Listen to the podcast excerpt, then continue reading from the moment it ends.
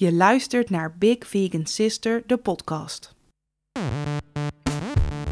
Mijn naam is Lisa en ik strijd voor een wereld waarin we niet alleen liever zijn voor elkaar, maar ook voor onszelf. Met deze podcast ben ik er voor iedereen die een positief verschil wil maken in deze wereld, maar geen idee heeft waar te beginnen. Samen met mijn gasten neem ik je mee langs allerlei onderwerpen die bijdragen aan een inclusievere wereld en bied ik je herkenning, nieuwe inzichten en een heleboel praktische handvatten om direct mee aan de slag te gaan. En vergeet niet, we zijn hier om te leren. Maar when you know better, do better.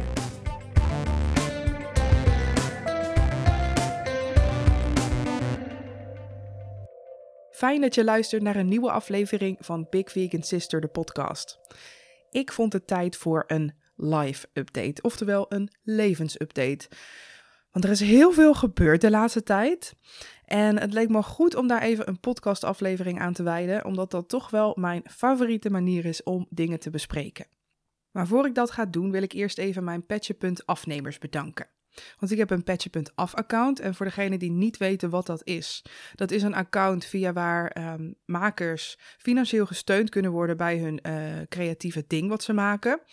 Dus um, jullie kunnen via mijn petje.af, dat is www.petje.af slash bigvegansister, mij financieel steunen. Dat kan met een paar euro in de maand of eenmalig kan het ook. En dit zorgt ervoor dat de podcast blijft bestaan, want het kost behoorlijk veel tijd, geld en energie om dit draaiende te houden. Maar wat voor mij nog veel belangrijker is, is dat ik de podcast inclusiever wil maken. Ik wil um, transcripties laten maken van de podcastafleveringen. Wat betekent dat een aflevering uitgeschreven wordt, woord voor woord, zodat dove of slechthorende mensen ook kunnen meegenieten van de afleveringen. Maar ja, goed, dit kost gewoon geld. Ik wil degene die dat gaat doen ook gewoon betalen. En that's where you come in. Um, sommige mensen hebben al uh, um, een bedrag gedoneerd. En die wil ik echt eeuwig bedanken. Dat zijn echt mijn helden. Um, en dit zijn zowel maandelijkse als eenmalige donateurs. En dat zijn Elke, Nienke, Renate, Nirosha, Jan, Lenneke, Maaike, Lisa, Joyce en Janneke. Lieve mensen, enorm bedankt dat jullie ervoor zorgen dat Big Vegan Sister de podcast blijft bestaan en inclusiever wordt. Echt, Jullie zijn fantastisch. Zo, en nu ga ik heel eerlijk zijn. Ik zag er echt heel erg tegen op om deze podcastaflevering op te nemen. En ik neem hem nu zelfs voor de tweede keer op, want de vorige aflevering had ik een paar weken geleden opgenomen. En toen kwam ineens de coronacrisis om de hoek kijken, waar het verder in deze podcast echt niet over zou gaan, op één heel klein dingetje na. Dus wees niet bang. Um, maar goed, er veranderde ineens heel snel heel veel in mijn leven. En toen ik de aflevering terugluisterde, besefte ik dat de helft van de aflevering nu al niet meer klopte. Plus, ik was toen ik um, destijds opnam nog een klein beetje ziek toen ik de aflevering opnam. En dat hoorde je wel behoorlijk goed op de opname, terwijl ik toen dacht van niet. Dus hoppa, we doen gewoon poging nummer 2. Nou, zoals ik in mijn intro al zei, strijd ik voor een wereld waarin we niet alleen liever zijn voor elkaar, maar ook voor onszelf. En dat doe ik eigenlijk al mijn hele leven op heel veel verschillende manieren. En ook heb ik dat heel lang gedaan met taart. En dan vegan taart, om precies te zijn. Ik denk namelijk dat een heel groot deel van zelfliefde, maar ook liefde voor elkaar, um, te maken heeft met wat je jezelf gunt en wat je jezelf en elkaar vertelt over eten specifiek. Want denk even na, gun je jezelf bijvoorbeeld alleen een stuk taart als speciale beloning? Of mag je misschien geen brownie van jezelf omdat je het hebt gecategoriseerd als ongezond? Of mag je alleen een punt appeltaart bij een hele bijzondere gebeurtenis? Of straf je jezelf wel eens wanneer je iets hebt gegeten dat geen groente of fruit is? Ga je dan proberen te compenseren? Of haal je onderweg wel eens zo'n heerlijke warme chocolate chip cookie? Ik wou echt dat die vegan waren, die van de Albert Heijn to go. En voel je je daarna schuldig? Ik heb geen idee of je dit weet. Maar Big Vegan Sister is eigenlijk voortgekomen uit mijn vegan bakkerij Taarten van Jansen. En met deze bakkerij probeerde ik mensen niet alleen te laten zien dat vegan taart rete goed kan zijn, want ik wilde altijd de allerbeste taart ever maken. Um, of die nou vegan was of niet. Nou, voor mij was het natuurlijk vegan. Maar ook wilde ik mensen laten zien dat je jezelf echt een stuk taart mag gunnen. Dat je dat niet eerst hoeft te verdienen en dat we al die schadelijke regels die we hebben bedacht rondom eten, dat we die los mogen laten. En de ondertitel van Taarten van Jansen is niet voor niets Guilty Pleasures met Guilty doorgestreept. Want ik doe niet aan Guilty Pleasures, alleen aan Pleasures. En ik hoopte via taart dan mensen ook gewoon te laten zien dat ze het waard zijn. Het is zo'n makkelijk middel om mensen te laten zien dat ze onvoorwaardelijk mogen genieten. Ook al heb je jezelf je hele leven lang iets anders verteld. En ja, om dit dan te doen via vegan taart maakt het helemaal compleet voor mij. Aangezien um, ja, dit een manier is om taart te bakken die de minste leed veroorzaakt. Voor zowel producent als ingrediënt als consument. Maar ook omdat ik mijn hele leven lang al enorm van bakken heb gehouden. En een andere manier waarop ik liever probeer te zijn voor mezelf en voor anderen, is door mezelf en andere mensen toestemming te geven om op dingen terug te komen. Om dromen bij te stellen en om moeilijke beslissingen te nemen omdat je weet dat je je hart volgt. En precies dat is waar deze aflevering over gaat. Ik ga namelijk een heel belangrijk hoofdstuk van mijn leven afsluiten en ik wil jullie daar graag deelgenoot van maken. Ik krijg heel veel vragen op mijn andere account. Ik weet voor de mensen die nu luisteren. Ik denk dat er mensen luisteren die van mijn account Taarten van Jansen komen en die geen idee hadden dat Big Vegan Sister bestond. Want ik had het aan het begin wel eens uh, benoemd, maar later minder. En ik denk ook dat er mensen zijn die mij kennen via Big Vegan Sister en die geen idee hebben van het bestaan van Taarten van Jansen. dus dat even alvast hier. En um, ik krijg op mijn Taarten van Jansen account heel veel vragen, heel terecht. En ik heb heel veel van die vragen nog niet beantwoord. Um, omdat ik het eerlijk gezegd nog niet wist. Ik had het antwoord op de vragen nog niet. En ik vind het super logisch dat mensen vragen stellen, want ik ben daar altijd super actief geweest. Ik heb daar bijna 5000 volgers. En als iemand ineens um, weg zou zijn, dan zou ik het ook raar vinden of me misschien een beetje ongerust maken. En ik krijg heel veel lieve bezorgde berichten en die beantwoord ik af en toe wel eens. Ik kijk niet te veel op het account, want het geeft me best wel veel anxiety op het moment. Maar wat jullie waarschijnlijk allemaal vermoeden, tenminste als je van Taarten van Jansen hier komt, is dat ik het hoofdstuk Taarten van Jansen af ga sluiten. En dat is heel erg moeilijk en heel bevrijdend tegelijk om te zeggen. En het lukte me steeds maar niet om dit verhaal goed te vertellen, of in ieder geval op een manier die goed en compleet voelde. En ik wilde zeker weten dat ik geen enkele nuance vergat. En, maar laten we eerlijk zijn, je kan daar nooit zeker van zijn. En nu is het moment gekomen dat ik dit echt wil delen, dat ik er klaar voor ben om te delen. Ik heb nog niet eerder iets gedeeld, omdat ik daar, zoals ik net al zei, op dat moment nog niet klaar voor was. Omdat ik de antwoorden nog niet had, omdat ik nog niet wist waar ik aan toe was, waar het op uit zou lopen. Ik was echt, uh, echt heel erg in de war en daar vertel ik jullie dadelijk meer over. Want het afsluiten van dit hoofdstuk is een heel erg lang proces geweest van aanpassen, bijstellen en uiteindelijk los durven laten. En vandaag vertel ik het hele verhaal, van begin tot eind. En ik heb ervoor gekozen om dit in de vorm van een podcast te doen, want dit is voor mij de meest fijne manier om me uit te drukken. En op de een of andere manier is het voor mij ook echt heel erg belangrijk dat jullie weten wat deze beslissing met mij doet. En dat het niet over één nacht ijs is gegaan. En ik weet dat ik in principe niemand iets verschuldigd ben behalve mezelf nu op dit punt. Maar het voelde echt alsof Taarten van Jansen na een tijdje niet meer alleen van mij was, maar ook een beetje van jullie allemaal. En daar ben ik jullie intens dankbaar voor. En een andere reden waarom ik dit verhaal deel is omdat er zo'n enorm taboe lijkt te liggen op terugkomen op dingen, op bijstellen en op toegeven dat iets niet is wat je ervan had verwacht of dat je dromen veranderen. En ik hoop dat ik door mijn verhaal te delen jou ook de ruimte geef om echt na te denken over wat je echt wil. Of dit nou een populaire keuze is die andere mensen blij gaat maken of niet. Maar wees niet bang, want het verhaal heeft een heel mooi, goed einde. Wellicht niet het einde dat voor jullie meteen zal voelen als mooi en goed, maar wel het einde dat voor mij heel erg goed voelt. En het einde waar ik vrede mee heb en waar ik ongelooflijk trots op ben, en dit einde kreeg bovendien een week geleden een hele onverwachte, superleuke twist. Wat ook een belangrijke reden is geweest om deze aflevering weer helemaal opnieuw op te nemen. Want ik heb heel leuk nieuws verderop in mijn verhaal. Maar eerst, eerst neem ik jullie even mee van begin naar eind. Oké. Ik heb geen idee of jij als luisteraar weet hoe mijn ondernemersreis begonnen is. Maar die had vooral te maken met bloem, bakpoeder en suiker. Want ik had een vegan bakkerij. Taarten van Jansen. En deze bakkerij heeft een beetje, en ik weet dat dit wellicht overdreven klinkt, maar ik meen het echt, mijn leven gered. En daarom voelt het nemen van deze beslissing nu ook zo ongelooflijk heftig voor mij. En daarom praatte ik er zo lang niet over. Maar ik neem je heel graag mee in mijn verhaal van babyondernemer naar nu. Ik ben ongeveer in 2014 begonnen met Taarten van Jansen. En ik was toen net afgestudeerd als zangeres jazz en pop. Want ik heb zang gestudeerd aan het Artes Conservatorium in Arnhem. En toen ik mijn diploma in de pocket had, bedacht ik op logische wijze: laat ik een bakkerij beginnen. Dus dat deed ik dan ook. Um, het begon al een beetje op school, want ik was toen al heel druk met bakken en ik nam heel vaak taart mee en die zette ik dan neer in de kantine. En mensen mochten dan um, proeven van de taart in ruil voor hun feedback. En dat heb ik heel veel gedaan, hebben heel veel mensen geproefd, ik heb heel veel feedback gehad. Um, er werden Facebook-events aangemaakt voor als ik weer gratis taart mee kon nemen. En dan kwam half uh, conservatorium Artes uh, naar de kleine kantine om te proeven. En ik heb uh, taartjes gemaakt voor allerlei concertavonden van Artes. En um, nou ja, superleuk in ieder geval. En ik kreeg steeds meer bestellingen binnen van bekende en onbekende mensen. Van vrienden, van familie, van vrienden en familie daarvan.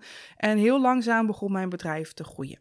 Nou, vervolgens heb ik met mijn uh, taartkraam op festivals gestaan, bij concerten. Ik heb horeca-leveringen gedaan, ik heb bruiloften gedaan, verjaardagen.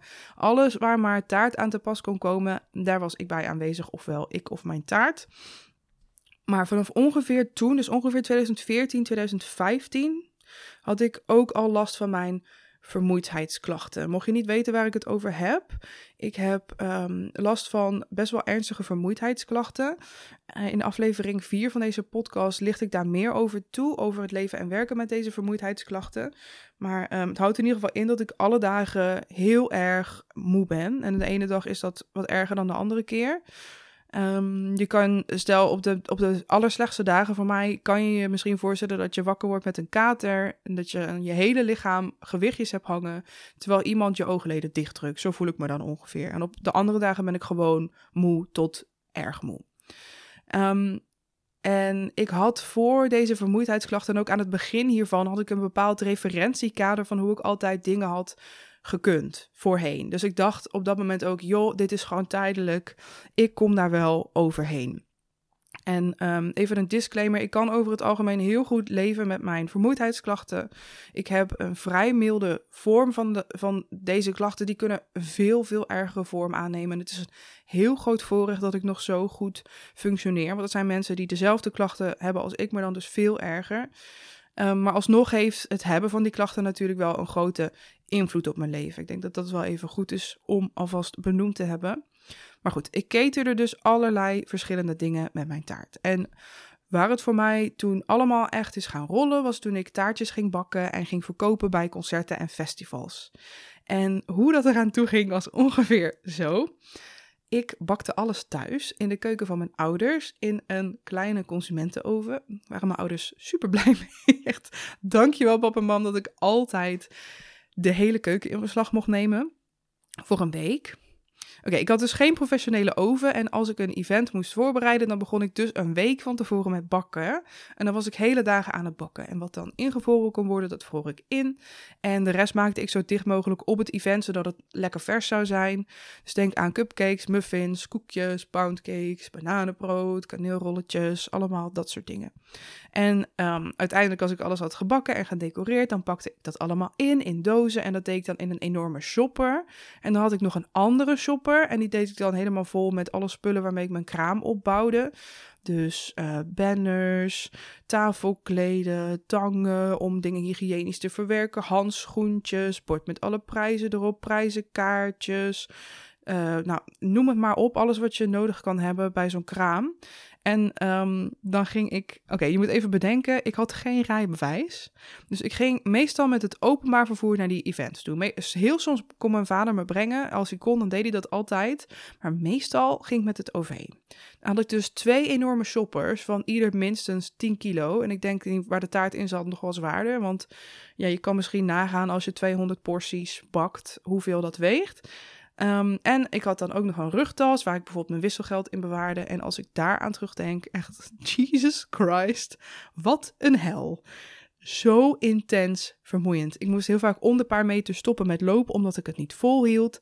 Maar dit geeft misschien wel aan hoe graag ik dit wilde. Dit was echt mijn droom. En ik had echt zo'n do-it-yourself instelling die ik eigenlijk nog altijd heb, wat een beetje voorkomt uit mijn punk roots. Want is het er niet, dan ga ik het wel zelf doen. En zo ben ik dus begonnen om mijn droom waar te maken. Het werd allemaal steeds een stukje professioneler en ik verhuisde naar Eindhoven en daar heb ik een eh, eigen bakhok ingericht aan huis vanuit waar ik alles bakte. En uh, daar stond bijvoorbeeld mijn werkbank en uh, mijn voorraad, al dat soort dingen. En ik kreeg steeds meer opdrachten. Ik mocht heel veel bruidstaarten en zoete tafels bakken. En mensen kwamen uit het hele land naar mij toe voor mijn taart. En ik heb meegedaan met grote fotoshoots. Ik heb voor heel grote bedrijven mogen bakken. Ik kreeg een vaste receptenrubriek in een vegan magazine.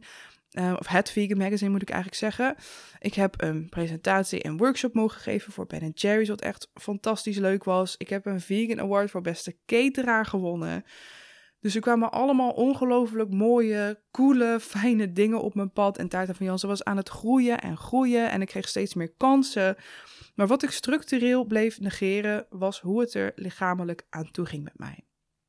Mijn lichaam heeft heel vaak, als ik er nu aan terugdenk, aan de bel getrokken. En ik heb dat structureel genegeerd, omdat ik heel, heel, heel graag deze droom waar wilde maken. Wat er uiteindelijk toe leidde dat ik tijdens de ehm, laatste zomer waarin ik bakte, eigenlijk alleen nog maar kon bakken en slapen, bakken en slapen en bakken en slapen. En terwijl ik bakte, was het ook niet zo dat ik dan uh, vrolijk fluitend mijn werk stond te doen. Ik was echt helemaal kapot. Ik was echt als een soort zombie bezig. Ik had zoveel last van mijn vermoeidheidsklachten. En tussendoor moest ik constant uitrusten op de bank. Ik nam niet één pauze, ik nam wel tien pauzes per dag. En uh, mijn vriend, mijn fantastisch lieve vriend Randy, die moest me heel veel helpen met opruimen. En die deed die, bijvoorbeeld het inkopen uh, van de ingrediënten. Um, het huis was constant helemaal ontploft. Mijn vader deed uh, allerlei bezorgingen voor mij, omdat me dat ook al niet meer lukte. En ik hield het gewoon allemaal niet meer vol. En dat deed me zo ongelooflijk veel verdriet. Want hier was ik op dat punt waar ik altijd al had willen zijn. Met die succesvolle business, de allerleukste opdrachten, de meest fantastische bruidsparen die mij volledig de vrije hand gaven, de leukste horeca mensen. En ik kon er niet eens van genieten. Ik had alles wat ik wilde, maar door de staat van mijn lichaam was ik diep en diep, echt gewoon diep ongelukkig. Het maakte me zo, het maakte me zo boos ook dat ik eindelijk had wat ik wilde. Wat ik dacht dat ik wilde. En dat ik er niet van kon genieten, doordat ik alle dagen extreem moe was. En het enige wat ik deed was overleven. En zelfs op dat moment stond ik mezelf nog niet toe om na te denken over hoe dit anders zou kunnen. Maar ik begon wel na te denken over, weet je, zijn er misschien andere verdienmodellen die te maken hebben met taart? Ik had allerlei dingen bedacht in mijn hoofd. Ik heb ook bijvoorbeeld een keer die live baksessie gedaan, mocht je daar wellicht bij zijn geweest, de Sunday Bakelong. Um, ik dacht, ik kan een online cursus doen. Ik kan misschien een mentorship aanbieden aan mensen die dit ook willen gaan doen, die ook zo'n bedrijf willen beginnen. Maar ik merkte dat iedere keer als ik na dat ene uh, bruiloftsseizoen, die, die bewuste zomer in de keuken ging staan, iedere keer als ik iets wilde bakken of als ik überhaupt maar dacht aan dat ik iets moest gaan bakken of het ontwikkelen van recepten, voelde ik een enorme blokkade. En zelfs toen ben ik nog doorgegaan. Ik ben doorgegaan met het opbouwen en uitbouwen van mijn bedrijf. Ik bleef bakken. Ik ben zelfs gaan kijken naar een productieruimte. Ik weet niet of je dit weet, maar als je wil groeien met een bakkerij, dan heb je op een gegeven moment, dus als je echt strictly taart wil blijven maken um, en koekjes en dat soort dingen, dus productiewerk, dan op een gegeven moment moet je of heel hoge prijzen gaan vragen en bijvoorbeeld um, uh, heel exclusieve bruidstaarten gaan maken of alleen voor uh, grote bedrijven gaan werken.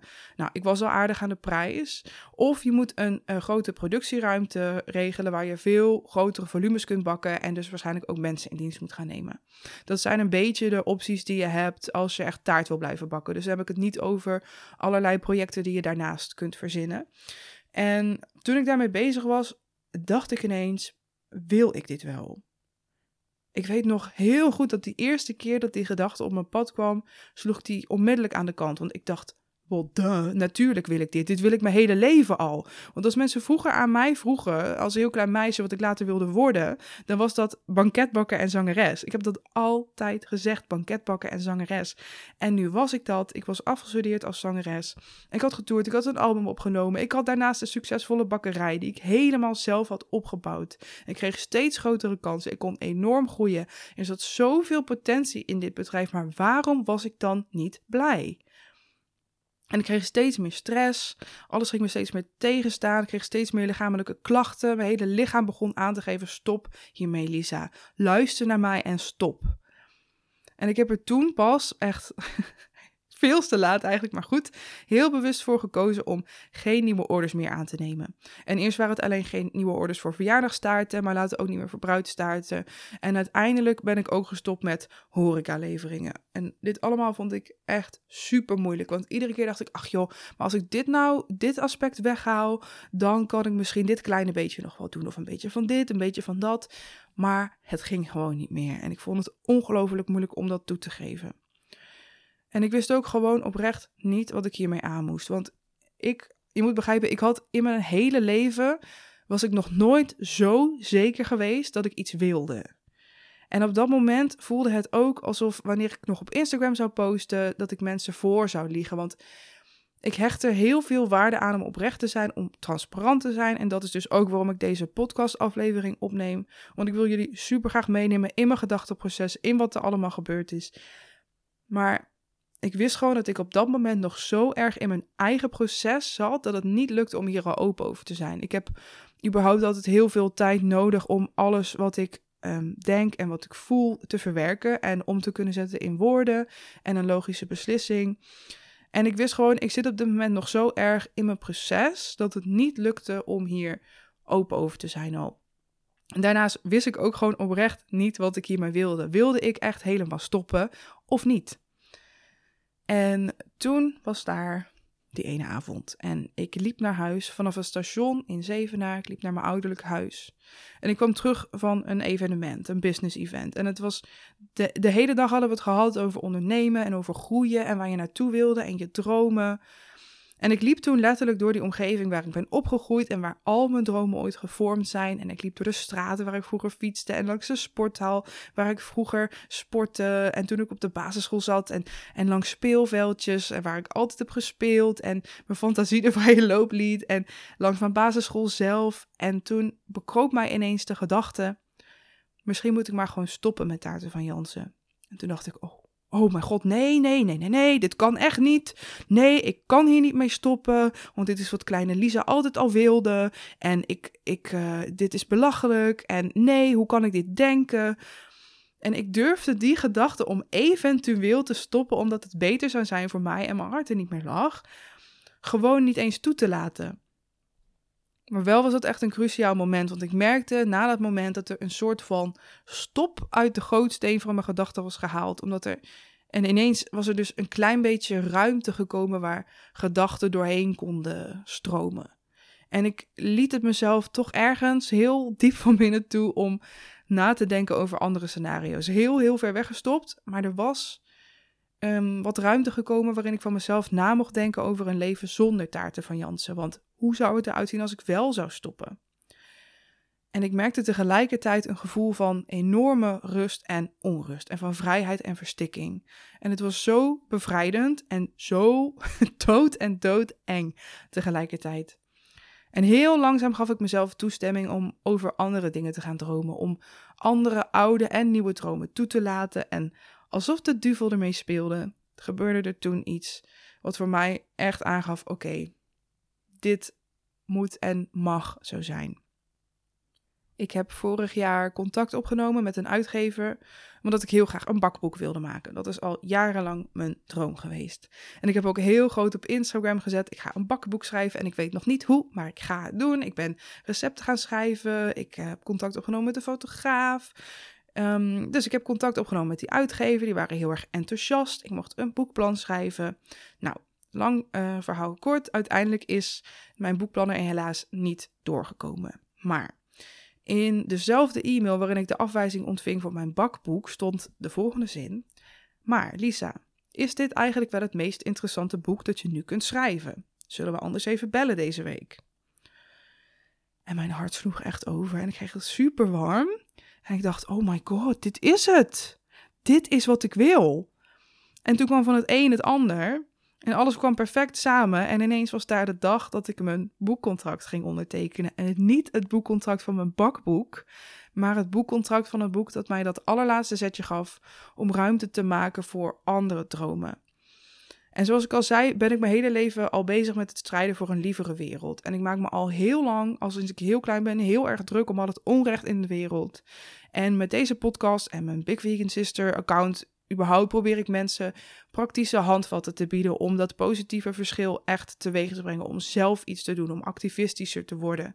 Om iets goeds te doen voor een ander en eigenlijk ook voor jezelf.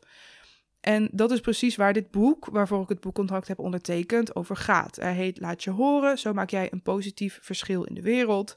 En het is een verlengstuk van mijn Instagram en mijn podcast. En het gaat precies over alles waar ik me dagelijks zo druk over maak. En die drive en frustratie die ik heb over de wereld en hoe het eraan toe gaat en hoe oneerlijk alles is, mag ik omzetten in een boek.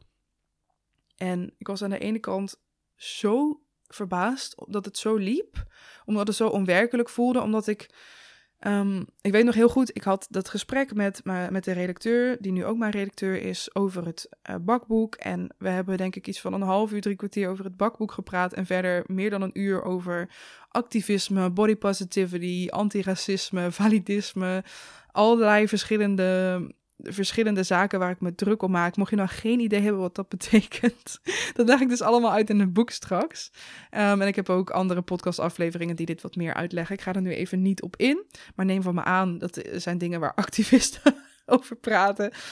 Um, en ik dacht toen bij mezelf van, oh, weet je, eigenlijk zou ik misschien nog wel liever een boekplan insturen voor een boek wat daarmee te maken heeft. Maar toen dacht ik, ja, uh, die ziet me ook wel aankomen. Ik zit hier nu voor een bakboek. En die komt dan ineens aan, ja, eigenlijk wil ik een ander boek schrijven. Maar goed, uiteindelijk werd dat me dus soort van semi in de schoot geworpen. Dat zeg ik dus semi, want ik heb er natuurlijk zelf ook een aandeel in gehad.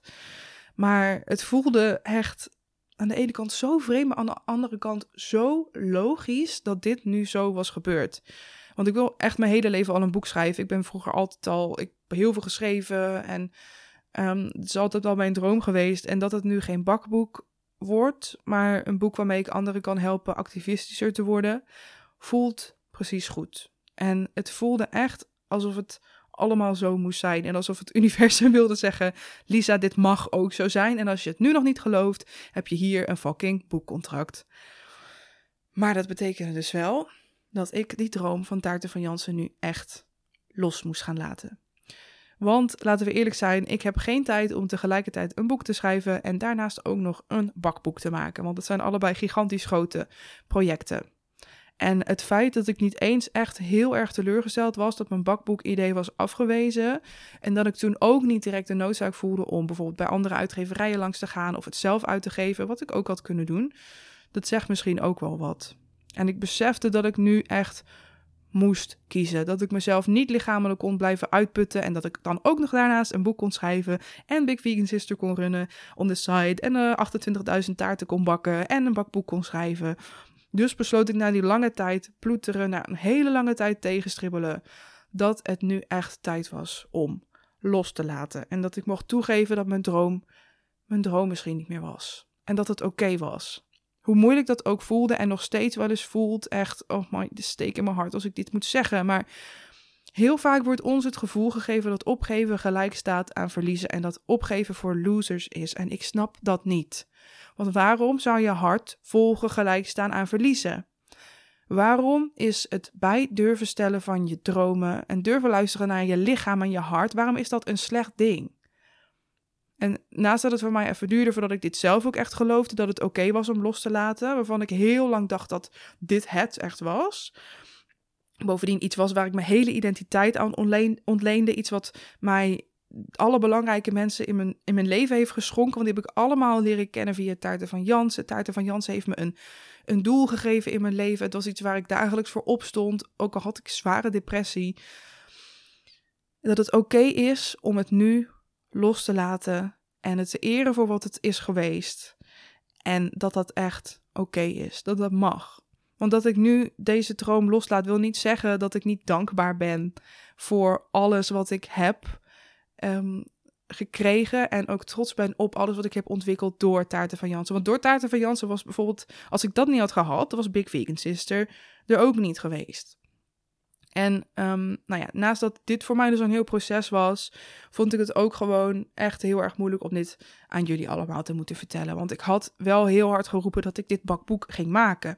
En er waren zoveel positieve reacties en mensen hebben mijn recepten getest en waren zo ongelooflijk enthousiast. En Ik ook. En alles wat ik heb gezegd kwam ook echt uit een oprecht hart. En dit is geen voorbedachte raden geweest, maar zo loopt het leven soms gewoon.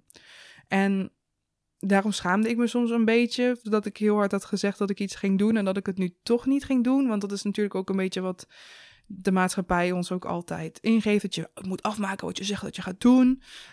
En nu besef ik dat het volgen van je hart niets is om je voor te schamen. En heel eerlijk, mocht ik deze lichamelijke klachten niet hebben gehad, hè, dan weet ik natuurlijk niet hoe dit was gelopen. Of misschien had ik nu dan wel die bakkerij gehad met personeel. Wie weet ook niet. Wie weet dat ik wel dat bakboek in eigen beheer uitgebracht. Wie weet niet. En ik wil absoluut niet zeggen dat ik mijn lichamelijke klachten dankbaar ben, want dat ben ik zeker niet. Ik vind het een hele schadelijke gedachte.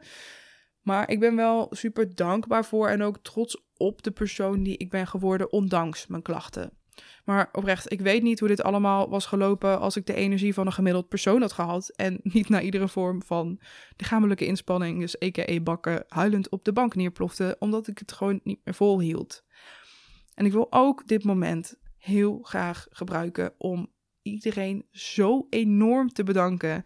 Echt, dankjewel aan de fantastische bruidsparen en klanten en horeca mensen die ik heb leren kennen in deze taarten van Jansen reis. Alle vrienden die ik heb leren kennen. You know who you are.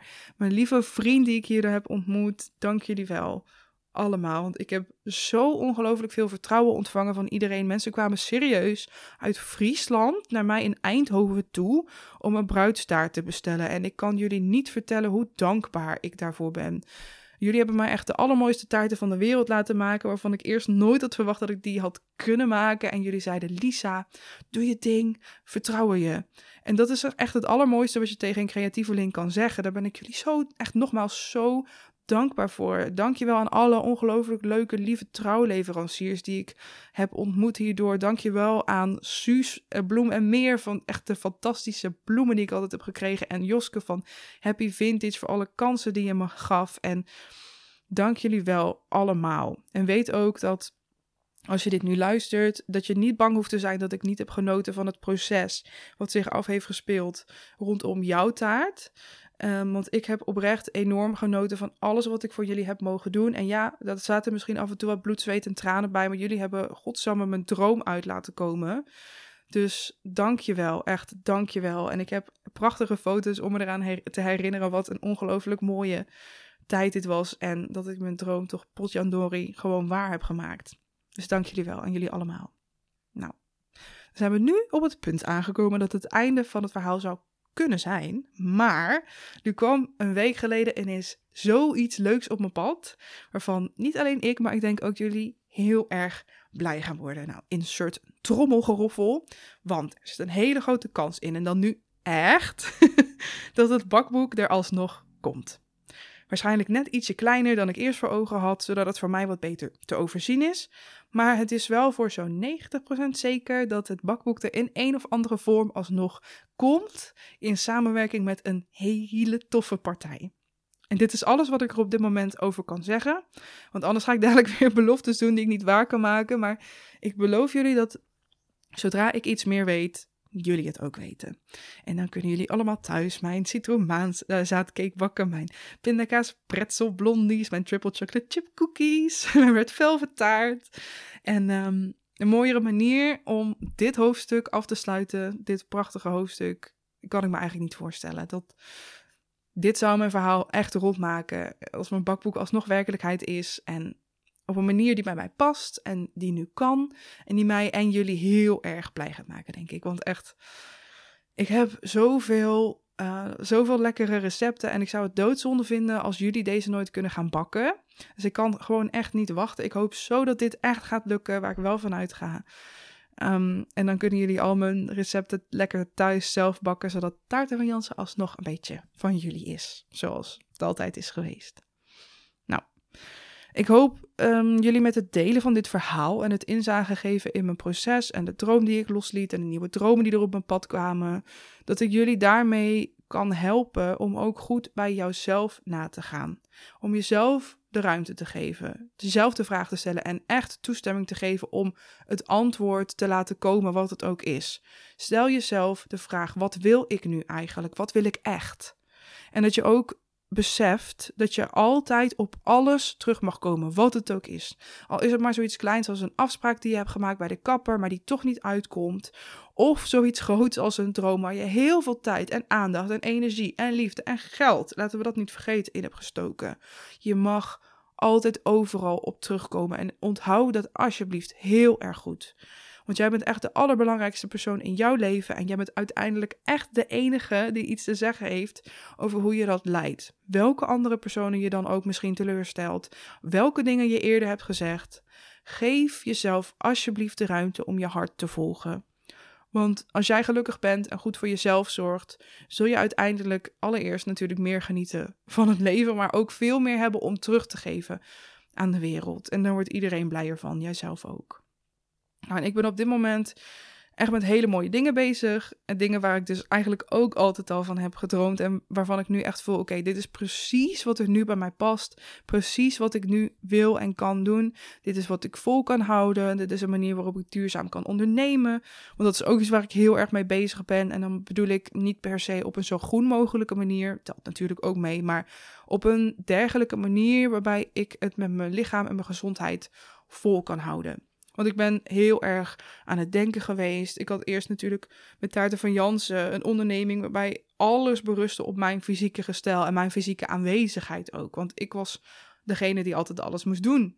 ja, ik was de enige die de koekjes kon draaien, die de taarten af kon smeren, die de taartlagen kon bakken, die de botercremes kon maken, die, nou ja, whatever. En ik had natuurlijk voor kunnen kiezen om iemand te instrueren, maar dat voelde op dat moment gewoon echt niet goed, want het was op dat moment nog te duur. Er was fysiek geen ruimte voor een tweede persoon. En ook had ik er echt geen energie voor. Dat was nog het allerbelangrijkste. En tuurlijk, ik had dingen anders in kunnen richten. En dat weet ik ook. En trust me, ik ben alle mogelijkheden afgegaan bij iedere mogelijkheid kwam ik gewoon weer uit op het feit dat dit niet meer is waar mijn hart naar uitging en wat me nu blij maakte. En dat is gewoon het allerbelangrijkste. Ik vertel iedereen altijd dat ze hun hart moeten volgen, dus dan moet ik dat ook zelf doen. Anders hou je het leven ook niet vol.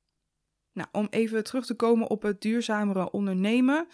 Ik bedacht me dat het in mijn geval veel handiger is, gezien ik zit met die vermoeidheidsissues, om een business op te bouwen waarbij ik niet altijd fysiek het werk hoef te doen. Dus ik ben sowieso overgegaan nu al op andere soorten werkzaamheden. Ik kan veel meer van achter mijn laptop doen. Ik schrijf nu natuurlijk dat boek. Ik heb mijn podcast. Ik maak veel gebruik van Instagram. Ik heb een, nieuw bedrijf opgericht, de podcastschool. En daarbij help, sorry, daarmee help ik mensen met het opzetten en verbeteren van hun podcast. En voor de coronacrisis gingen de workshops hiervan echt super lekker. En op dit moment heb ik natuurlijk geen fysieke workshop staan. Die volgen later wel weer. Maar ik was sowieso van plan om een online podcastcursus in elkaar te zetten. Dus die komt nog. Um, en ik doe online mentorsessies bijvoorbeeld met mensen die hun podcast naar het volgende level willen brengen. Dus allemaal dingen die ik lekker vanuit mijn eigen fijne huisje kan doen. Gewoon zittend aan mijn bureau. En dat kost natuurlijk alsnog moeite, maar zoveel minder moeite, fysieke moeite zeg maar, dan als ik I kid you not, uh, eh, 20 taartlagen moet bakken voor in één taart. Nou, ik ben uh, dus bezig om nog verdienmodellen te bedenken waarbij ik minder uurtje factuurtje hoef te werken, zodat ik nog iets minder fysiek bezig kan zijn en dat de geldstroom toch doorloopt. En dat is wat ik eigenlijk bedoel met duurzaam ondernemen, want bij mij is het natuurlijk zo, ik vind, ja, natuurlijk, dit is voor mij heel logisch, maar ik kan de ene dag een goede dag hebben en de volgende dag een hele slechte, waardoor ik minder uren kan werken. En ik wil dat er op die dagen alsnog geld binnenkomt, zodat ik niet afhankelijk ben van die staat van mijn lichaam voor genoeg inkomsten, want dat is gewoon te onzeker. Maar die verdienmodellen komen allemaal nadat ik mijn boek heb geschreven. Tuurlijk, ik heb al wel ideeën in mijn hoofd.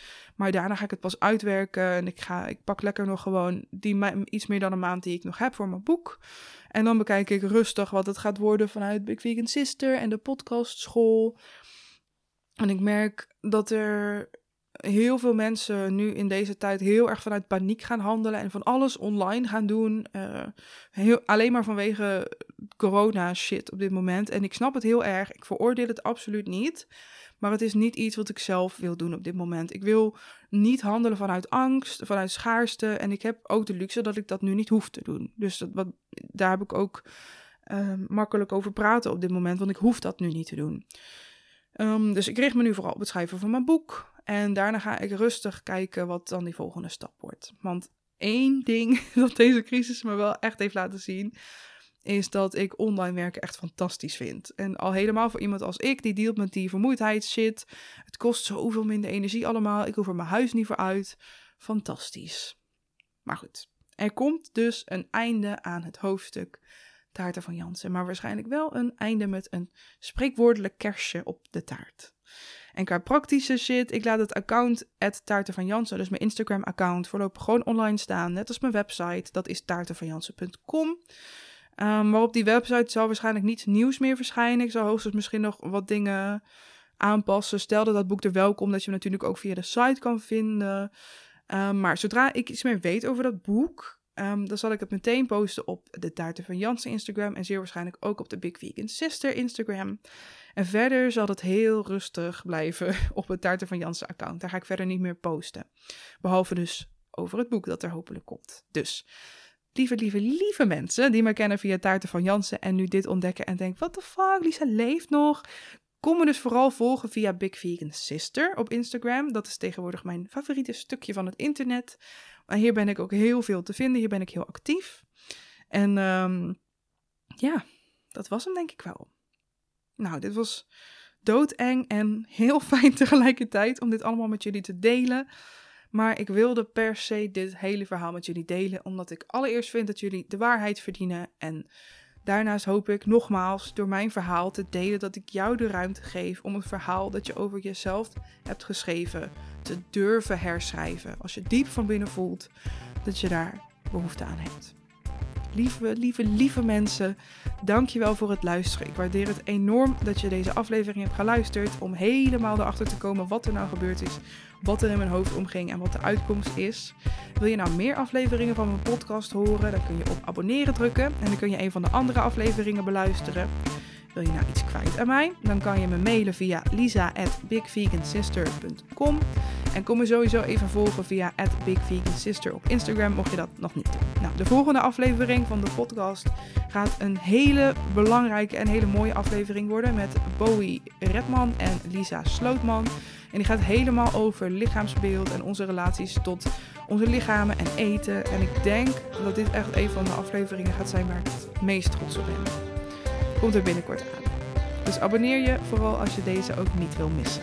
Nou, voor nu wens ik je een hele fijne dag. Dank je wel voor het luisteren. En tot de volgende. Doei doei!